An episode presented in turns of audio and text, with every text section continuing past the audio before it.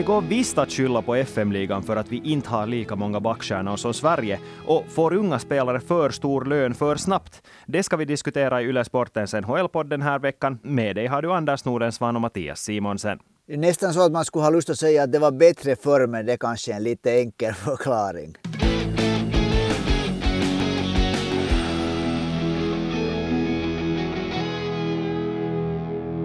Ja, vi ska börja med ett ämne som vi har funderat länge på att ta upp också här i podden och som vi nu tyckte att var aktuellt i och med att vår kollega på Yle Urheilu, Tommy Seppälä, skrev en artikel som också översattes till svenska Yles sida med rubriken Sverige har många backstjärnor i NHL, Finland enbart Miro Heiskanen. Och här i den här artikeln handlar det mycket om orsakerna till att det, för det här är ju ett faktum, vi kommer ju inte förbi det, att vi har Miro Heiskanen, men that's it, att om man jämför med, med Sveriges backtrupp, eller hur Sveriges OS-trupp eller World Cup-trupp skulle se ut, så nu är ju backtruppen där är av världsklass på en helt annan, annan nivå än Finlands just nu. Och inte bara att spetsen är vass, utan det finns ju också bredd och djup. Att kolla just upp att det är 29 svenska backar den här säsongen som har spelat minst 10 matcher i NHL. No, 11 finländare som spelar minst 10, spelat minst 10. Och sen när man tittar lite på de här rollerna, så nummer 10 i den svenska backligan poängmässigt är Mattias Ekholm med 16 poäng. Nummer 10 för Finland, Ville Heinola med 0 plus 1. Så det här liksom säger någonting om delvis såklart hur mycket Sverige producerar backar till NHL och vilka roller de här backarna sen får när de kommer till NHL. Och här i den här artikeln så handlar det ju mycket om orsakerna till att det har blivit så här och då den framgångsrika landslagstränaren Jukka Jalonen vars ord man ju såklart ska ta seriöst. Så han tycker ju att det börjar från junioråren, att man i Finland hemskt lätt går till att storvuxna backar helt enkelt placeras i en korg där de avlas fram i brist på bättre termer till defensiva backar, där man i Sverige kanske mer fokuserar på de offensiva aspekterna också för de här storvuxna killarna. Och det är ju uttryckligen det som vi ser i NHL. Att vi, vi har inte bara så här småvuxna, sådana klassiska offensiva backar som kommer från Sverige, utan om vi tittar på till exempel Rasmus Dahlin, Viktor Hedman, de är ju stora killar som kan producera framåt också. Om man, om man liksom jämför då lite med hurdana typer det, det liksom de bästa av den kategorin som kommer från Finland. Så det, där, det måste man säga att Miro Heiskanen är ju liksom inte, han är ju inte fysiskt liten. Han är ju grymt Han är såklart sitt eget kapitel, men han är 185 centimeter lång och det är nog helt, liksom, han är helt en, en, en stor back. Och sen är det då Esa Lindell som ju är sån här någonting mitt emellan en sån här fysiska backen och en sån här offensiv. Han är, han är väl en, man kan väl säga att Esa Lindell är en sån här ganska modern allround back. Han skulle ha åtminstone kapacitet att vara det fast han får spela kanske mest en defensiv roll. Men sen är nog de här övriga storvuxna finska backarna, så det är ju nog just sådana här som ska liksom spela enkelt och fysiskt. Och som du säger så det, det, det behöver ju inte vara så. Idag ska en, en back som är över 185 också kunna vara liksom dynamisk, skrinna snabbt, göra liksom beslut med pucken. Och det är kanske så att det kommer inte sådana backar hemskt mycket från Finland som, är, som inte sen är de här pyttesmå killarna. No, där kommer vi ju sen då till det här stora problemet och det är det som Sami Salo också lyfter fram i den här artikeln. Och såklart Jukka Jalonen också, men Sami Salo understryker det här att problemet är skridskostyrkan. Och här tycker Sami Salo ju att han i egenskap av TPS-tränare, äh, eh, inte chefstränare, men assisterande tränare för TPS, så han medger ju nog att den finska ligans spelsystem inte överhuvudtaget stöder backar som vill utveckla sina skridskoförmåga. Och här går mina åsikter sen lite isär med Jukka Jalonen, för han säger sen att det här är på junior storlagen. Det här är inte ligans uppdrag längre att utveckla de här backarna till att bli sådana här skridskostarka NHL-klara backar. Och jag tycker sen nog däremot att det är också på, på ligans ansvar, i och med att det som Sami Salo själv kan återspegla till det, är att han får över till NHL först som 24-åring. Och då har du då, om du tittar på de här backtalangerna som oftast börjar spela i ishockeyligan som, nu ska vi säga 18-19, om du är en stor talang så börjar du spela i ligan när du är 18-19 år gammal. Så då har du i princip sex år på dig att bli en Sami Salo som ändå är en väldigt framgångsrik NHL-back och där har nog ligan också en uppgift att se till att de här spelarna håller högsta möjliga nivå. Nu Jag tycker helt som du i det här det där. För det första så Sami Salo, ska vi säga skridskoåkningen var ju sen ändå aldrig Sami Salos liksom största styrka. Han det där, men det, där, det var en helt annan tid på den tiden var det ändå så att, liksom, att NHL var någonstans ett sånt att man kanske nådde. Nu tycker jag att jag har hört och läst upprepade gånger att FM-ligan själv också anser att det är en fostrarserie för spelare som vill nå till NHL. Att det är liksom helt klart att man har den här uppgiften och man gör samarbete, klubbarna gör samarbete med, med, med NHL-lagen. Och därför är det nog för mig också helt otroligt svårt att förstå hur man inte på något sätt kan komma till någon sån här konsensus eller någonting att man liksom skulle fundera på hurdan ishockey det spelas i, i Finland, i FM-ligan. Och just liksom backarna, hur, hurdant beslut de ska göra, hurdant spel de, hurdant tryck de utsätts för. För att faktum är att finska backarna, det, det här är en diskussion som på något sätt den här pågick för 15 år sedan, nu är den igen tillbaka, att finska backarna är liksom dåliga att göra aktiva beslut när de har pucken och det är tryck på dem och de måste liksom lösa problemen och inte bara skicka iväg pucken. Mm, och där kommer vi igen till det här att om du tittar på den här stigen som, äh, okej, okay, för det första, det där vad du sa att ligan har profilerat sig som en fostrarliga, så för att vara helt ärliga nu, så alla ligor som inte heter NHL är fostrarligor till NHL. För det är ju bara att lyssna på spelarna och fråga vad deras stora mål är. Så inte det är ju någon som säger att min största dröm är att spela för Pelicans, min största dröm är att spela för Färjestad, utan de vill till NHL. Och därför måste ju också de här ligorna inse fakta och kanske just marknadsföra sig som den här sista chansen att se de här unga talangerna före de åker över pölen. Men med det sagt så är det där första steget det att, ett, att etablera sig i liga, ligalaget. Och då måste man ju helt enkelt i Finland anpassa sig till det att man spelar en väldigt passiv och defensiv hockey i Finland. Och är det här sen ett problem, så det går ju att diskutera ur många olika perspektiv. Men sett till det stora finländska, vad jag skulle vilja kalla den finländska hockeykulturen just nu, så är ju det att det är det här som vi är förbannat bra på. Det, det här är det sättet som vi vinner VM-guld och OS-guld på.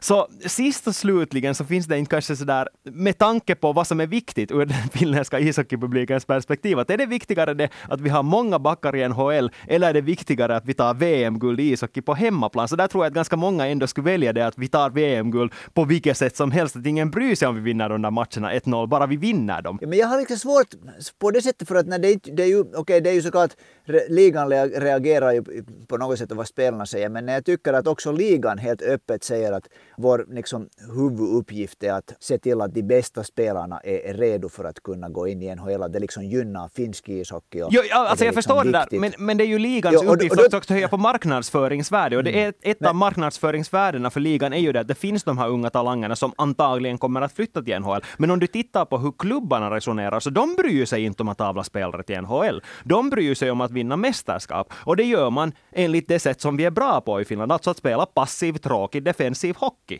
Men det blir ju sen, det, hur ska vi säga, det blir liksom mångdubblat det där problemet om det där, om vi har då de killarna som är tillräckligt bra för att spela i landslaget och som kommer dit. Och vi har kanske också haft det där ett par generationer här nu under de senaste tio åren med backar det har, det har kommit sådana här åtminstone halvpärlor därifrån förutom då Miro Heiskanen som är en pärla också när det gäller liksom offensivt spel. Så det där om det är så att de där bästa sen klarar av att också leverera på något sätt uppåt, liksom offensivt, under till exempel Jukka Jalonens ledarskap. Hur ska man säga, sen blir det ännu mer passivt när du går ner till lag som, som det där inte har den där spetskompetensen som egentligen bara går in för att spela taktiskt. Så det liksom, hur ska man säga, det, det blir ett större problem desto längre man kommer från de killarna som är tillräckligt talangfulla för att ändå nå finska landslaget om du får fast i vad jag menar. Jag förstår vad du menar, men jag skulle ändå sätta den största tyngden just nu, eller det största ansvaret på de här juniorerna själva att fatta det,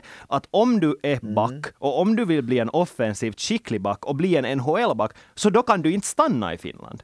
Det, det, jag tror att realiteten just nu är så krass att om du vill till NHL, om det är ditt stora mål som du vill jobba för, så då är Finland det sämsta stället att utvecklas på. I och med att det kollektiva spelsystemet och den hockeykulturen som finns i Finland inte överhuvudtaget stöder din utveckling, utan du måste dels antingen fatta att dra till Sverige, vilket antagligen är mycket lättare alternativ, eller sen att som, göra som många andra har gjort och fara till de kanadensiska juniorserierna. För titta till exempel på Olli Määttä jag tror på fullaste allvar att om Olli Määttä aldrig skulle ha stuckit till London Knights som junior, så skulle han bli, vara en anonym doldisback i den finska ligan. Jag tror aldrig att han... Vunnit Exakt, jag tror aldrig att han skulle bli en Stanley Cup-vinnande back om han skulle ha stannat i Finland under hela sin utvecklingsperiod. Då ska vi komma att han ansågs då i tiderna vara en helt supertalang när han for iväg från Finland. Han, det var liksom, tankarna var att han skulle, det var sån här Bobby Orr snack om honom när han åkte iväg i tiderna. Jag, jag, på det sättet opponerar jag mig mot det här, för jag tycker igen att när FM-ligan också är en en, en businessorganisation som vill, liksom, de vill ju få publik och de vill få intresse, så tycker jag ju att om det här är det här krassa sanningen att man inte kan utvecklas i Finland så borde de ju göra just det motsatta. Det fanns i tiderna talades på 90-talet talades om att FM-ligan är Europas bästa ishockeyliga. Jag vet inte om det stämmer men det, var ett, det liksom gick igenom ganska bra. Det liksom FM-ligan var superpopulär då i tiderna när det var Jokerit TPS-finaler och IFK 98 och sånt. Att varför kan inte FM-ligan då liksom ta tag i det här och på riktigt börja på samma sätt som, som jag tänkte säga elitserien men som SHL i Sverige. De liksom profilerar sig som en sån här serie, höjer intresset med att säga att hej, vi vill vara bra på det här. Och där kommer vi till det här som jag gång på gång tycker att jag kan inte förstå att man inte på riktigt tar tag i det här. Börja med att spela i en sån rink som man spelar ishockey i NHL. Liksom, ta bort den här tiden, ta bort det här som möjliggör det där taktiska tråkspelet. Det, jag, jag, är liksom, jag är så starkt av den åsikten att jag, jag, liksom, jag först, det är verkligen jag tycker på det sättet. Alltså jag håller egentligen, som åskådare håller jag med dig till 100 procent, men när jag tittar på det ur lagens perspektiv så kommer jag bara inte ifrån det att det, det, finns, det, det, kan inte finnas en vilja inom lagen att bara börja spela offensiv, gla, alltså anfallsglad ishockey bara för sakens skull för att höja på underhållningsvärdet, trots att alla vill att de ska göra det. Utan lagen vill ju vinna. De vill spela hem det där mästerskapet och de vet hur de ska göra det. I Finland vet man att det bästa sättet att nå framgång i sådana här turneringar, i ligor där den, ska, ska vi nu säga, den högsta nivån inte är lika hög om vi talar om spetskompetens, så då är det genom att spela den här passiva hockeyn. Så varför skulle lagen vilja ändra på det när de vet hur de ska göra för att vinna? Titta bara på Tappara, de är ju liksom det här typexemplet på att spela sån här dödgrävarhockey som ingen egentligen utanför Tammerfors, eller utanför hälften av Tammerfors bryr sig om. Samtidigt så det där, vi, Finland är jättenoga med det här liksom att vi ska nå framgång och det här och liksom det här Made Peli-konceptet och den här stigen. Och det måste ju också liksom uppdateras. Nu skulle jag lite vilja säga att Finland man når framgång för tillfället när Jukka Jalonen coachar finska landslaget. För att nu lite liksom kanske dra, dra kurvorna äh, raka här. Att det där vi såg nu i, i JVM till exempel hur det gick när det var en tränare som inte fick det där laget att jobba optimalt ihop. Och därför tycker jag att man kan liksom, det måste finnas hela tiden en kritik innanför grenen. Det är Finlands populäraste gren. Det är, liksom, det är en stor prestigesak för Finland att vara bra inom ishockey. Jag tycker liksom att, och det är så att Jukka Jalonen skulle kunna leda den diskussionen att hej, vi har nått framgång med det här sättet, men när man ser på hur, det, hur, liksom, hur spelarna utvecklas omkring vad som håller på att hända, liksom, det, det här, skickligheten stiger hela tiden. Liksom, de unga spelarna idag i, ute i världen, de som kommer till NHL är helt vansinnigt skickliga. Att vi måste liksom på något sätt reagera på det här i Finland. No, det håller jag med om.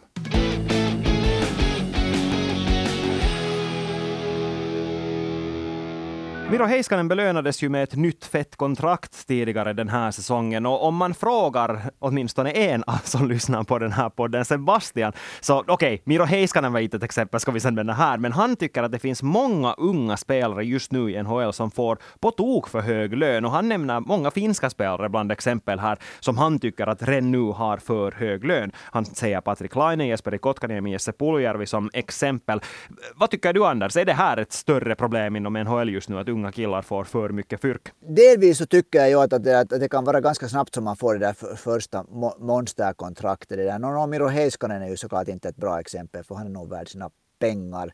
Eller är han det? Min, min, det där största, min största kritik egentligen mot NHL är det att när man har det där, äh, byggt det här lönetaket som då är för lag så tycker jag att det har blivit på hälften i och med att det inte finns några gränser för hur mycket typ, de bästa spelarna kan förtjäna inom det här lagets lönetak.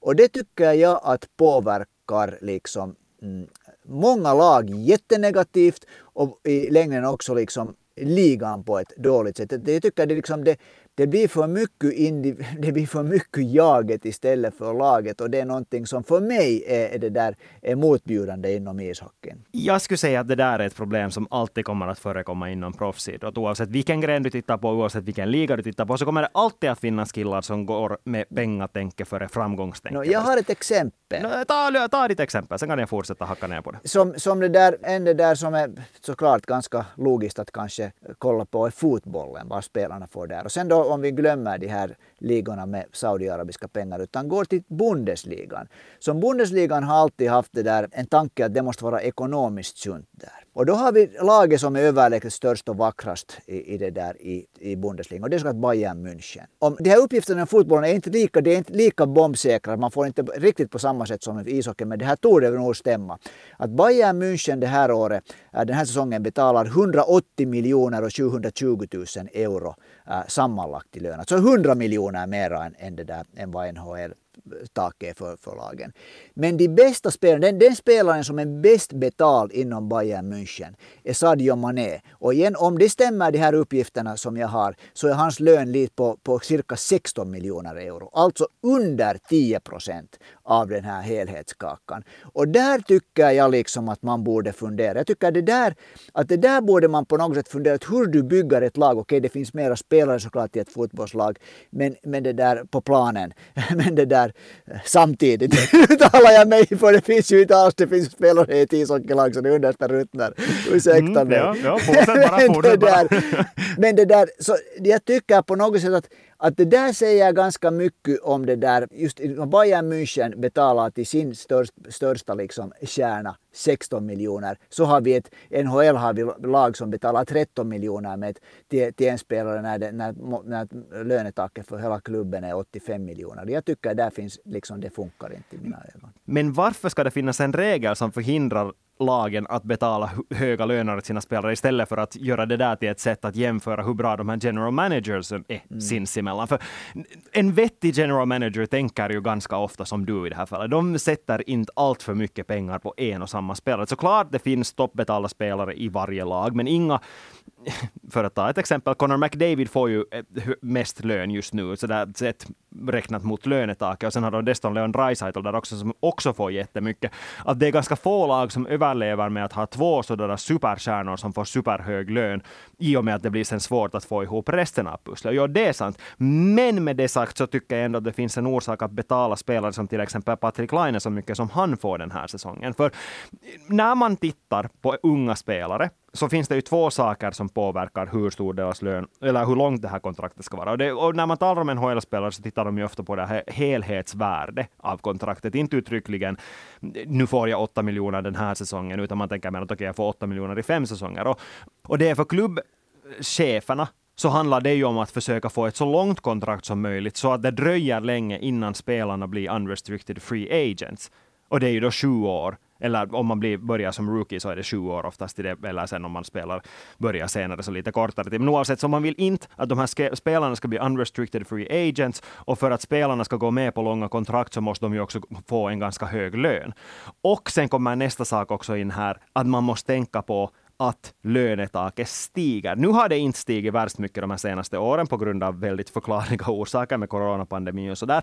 Men i framtiden, de här kommande åren, så förväntar man sig också i NHL att det kommer att stiga ganska mycket. Och därför säger jag det som ganska klokt att man förutser när man har ett Stanley Cup-fönster. För oftast när man ger en ung spelare ett, ett, stort kontrakt så handlar det om att man kanske inte har ett Stanley Cup-fönster just då, men om några år. Och då räknar man kanske med att nu ger jag den här killen ett kontrakt som är värd över 10 procent av vår lönetak och det kommer vara ett problem för oss den här säsongen. Men om några år, när lönetaket har stigit, har vi fortfarande den här killen på ett långt kontrakt och samtidigt mer spelutrymme att fylla på med spelare runt omkring honom för att få pusslet att gå ihop. Så jag förstår absolut att man ger unga spelare hög lön. Sen kommer vi in på nästa fråga och det är det att är de här värda det? Och då är det ju sen en helt annan diskussion och då handlar det ju mycket om att vad man förväntar sig av spelare som Laine, Kotkaniemi och Puljujärvi. Om vi går tillbaka till det där som du sa om, om general manager, så jag har lite svårt med det här att förstå att om man en gång har ett lönetak för liksom ett lag. Och man är, då, det är ju på ett sätt då att strida mot marknadsekonomins eh, lagar om man, om man en gång är färdig att ha ett lönetak för ett lag. Så varför lämna, jag tycker att man lämnar den här processen på något sätt på hälft när det gäller ett, ett, ett sunt lag. Jag förstår ju att det är för, det är det, eller kanske det är just det som jag tycker allra minst om att det har blivit ett sätt att marknadsföra ligan, NHL, i jämförelse med de här andra stora nordamerikanska ligorna genom det här att också våra spelare får tjäna så här mycket pengar. Det är liksom den där, människor är så intresserade av de här lönerna. Nu kommer jag tillbaka till som jag dess i början, med bättre förr. Jag vet att det här, att, att det här är liksom ett krig mot, mot det där vindmöllorna men det där jag tycker att det är liksom, hur ska man säga, det är långt från det vad ishockeyn i tiderna har varit. Att det blir den här liksom jag, jag, jag. Och ingen bryr sig om, alla agenter vill bara höja en liksom Auston Matthews ska ha så mycket som möjligt och ingen bryr sig om vad den där killen som behövs i tredje kedjan för att Toronto någon gång ska kunna vinna Stanley Cup behöver. Nej, jag, alltså jag förstår exakt vad du menar, men jag bara har svårt att se hur det där skulle kunna instiftas mm. någon regel för att tvinga lagen att bli bra lag. Att jag tror bara inte att det fungerar. Dessutom finns men det varför kan man göra ett lönetak då för ett lag? Om man kan göra, om man kan, men det finns ju redan, det finns ju redan ett maximum för spelare också. Att till exempel säsongen, nu sitter jag bara från säsongen 2019-2020, men då var det maximum en spelare fick få i lön så var 16,3 miljoner. Att det finns redan en maxgräns, men den är bara så hög att ingen kommer upp till den. Just det, men i och med att det här lönetaket hela tiden stiger,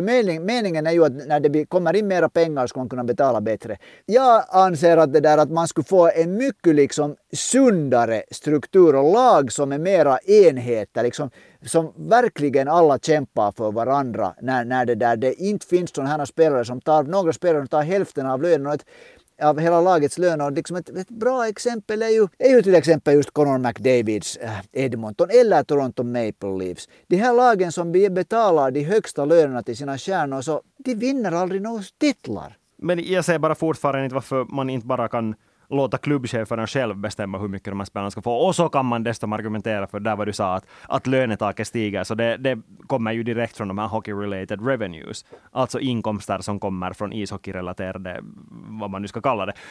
Och vem är det som drar in de här cashen? Och det är ju de här största stjärnorna. Inte kommer vi ifrån det heller. Men kanske det är det fortfarande som jag blir lite överraskad över när de ändå alla säger att hej, min största dröm är att vinna Stanley Cup. Så varför funderar inte en sån här kille på att hej, att om jag tar 9 miljoner istället för 13 miljoner så finns det fyra miljoner mera för att skaffa in de där spelarna. En, en, en sån kille som kan vara tredje center i laget, en jätteviktig spelare. Att, att, när man en gång på ett sätt säger att jo, jo, vi ska vinna som lag, vi ska vinna som lag, men sen när man sätter sig ner vid förhandlingsbordet så är det bara liksom så mycket jag bara kan få lösa. Egentligen så skyfflar de över det här ansvaret helt till sina agenter som sköter alla förhandlingar. Det finns några som inte gör som till exempel Niklas Bäckström som förhandlar själv, men annars. Och så liksom menar man att jag vill spela bara ishockey, jag vet inte alls vad de snackar om. Liksom, jag gillar bara inte. jag kan inte säga annat.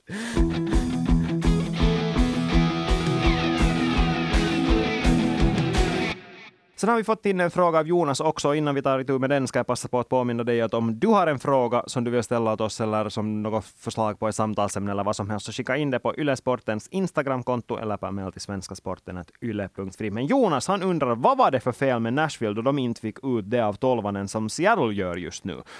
Och det är ju en jättebra fråga som jag tror att David Poyle framförallt skrapar sig i huvudet och försöker fundera på att hur gick det så här för oss? Ja, Erik Tolvanen har ju definitivt hittat, han har hittat det där, ett ställe var han, sin, kanske sin happy place som det heter. Det där. Men hej, en liten kontring.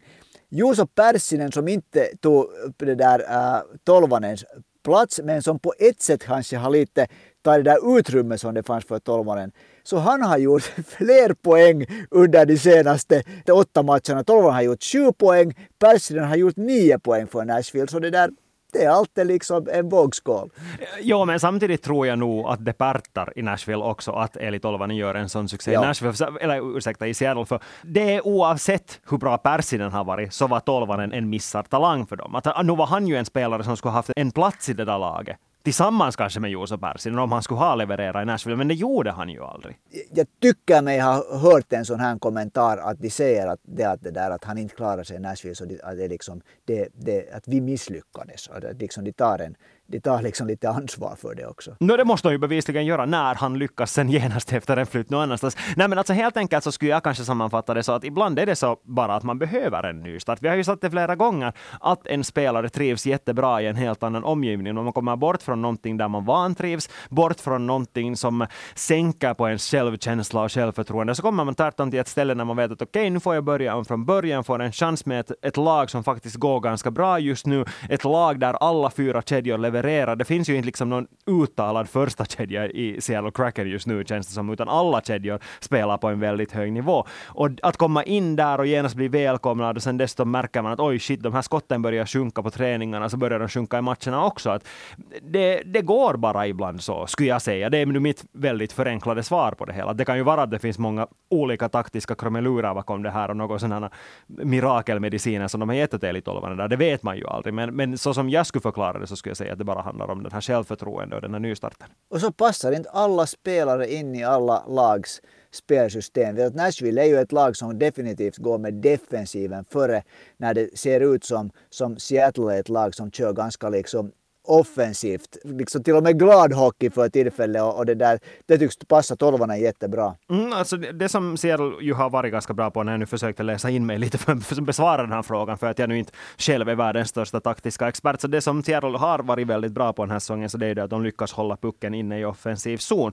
Och att Eli Tolvanen nu på bas av det vad jag har sett av honom spela där, så han verkar ju sen vara den där som kanske tar vara på det, att pucken snurrar inne länge i offensiva zonen och att man kanske glömmer bort att markera en kille för en liten stund. Då finns tolvanen där för att panga in pucken. Och, det, och det, de här målen, så, eller, det är fem mål han har gjort tills vidare. Och när jag har kollat på dem så tycker jag att nästan de har alla varit sådana att skottet har kommit liksom inom en halv sekund, inom ett par tiondelar från det att han har fått pucken. Så det är kanske också någonting som det där gynnar tolvanen. Mm, och det är någonting som jag också tycker att saknades i Nashville på något sätt. Ja. Att han kom inte liksom ens till de där skottlägena på samma sätt som han nu har gjort i Seattle. Alltså i powerplay hade han ju, han, de provade ju honom jättemycket i powerplay då, att han, han sköt ju från den där liksom vänstra sidan ganska mycket så att han hade klubban närmare målet, liksom gång på gång på gång. Och i början då när han kom till Nashville så sjönk de där puckarna in, men sen började det liksom inte och sen lyckades det inte mera. Men nu har jag sett att han har liksom skjutit från andra sidan i, i det där Seattle.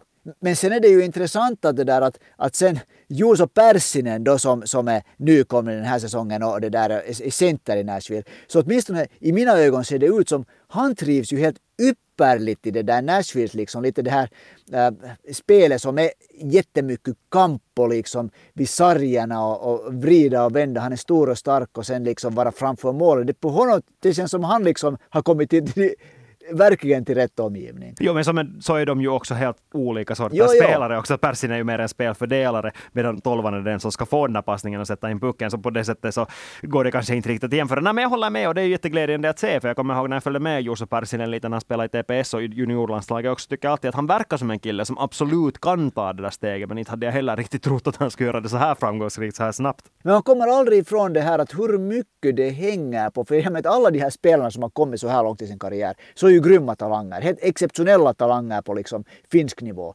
Att allt ska på ett sätt falla på sin plats för att du får den där, för att du får det att lyckas. Och det kanske är hemskt svårt att förstå. Liksom. Vi tittar bara på dem där, att 0 plus 0, 1 plus 0, 2, 2, 3, 5. Men vad allt som ska stämma för att de kommer och får den rollen och kan spela på det sättet att de är liksom produktiva. Och med det har vi sätta punkt för det här avsnittet av Yle Sportens NHL-podd. Vi är tillbaka igen nästa tisdag då kan jag avslöja att vi ska börja snacka lite om målvakter. Eller ska vi, ta, ska vi säga så här, vi tar en special titt på målvakter, för vi fick in många frågor om olika målvaktsrelaterade ehm, samtal samtalsämnen redan nu som vi sparar till nästa vecka. Så om du skickar just in just en sån så vänta bara nästa vecka ska vi ta itu med dem. Och om du har en fråga så som sagt skicka in den på Ylesportens Instagram eller på mejl till svenskasporten.yle.fi. Vi hörs igen nästa vecka. Tack och hej och ha det bra.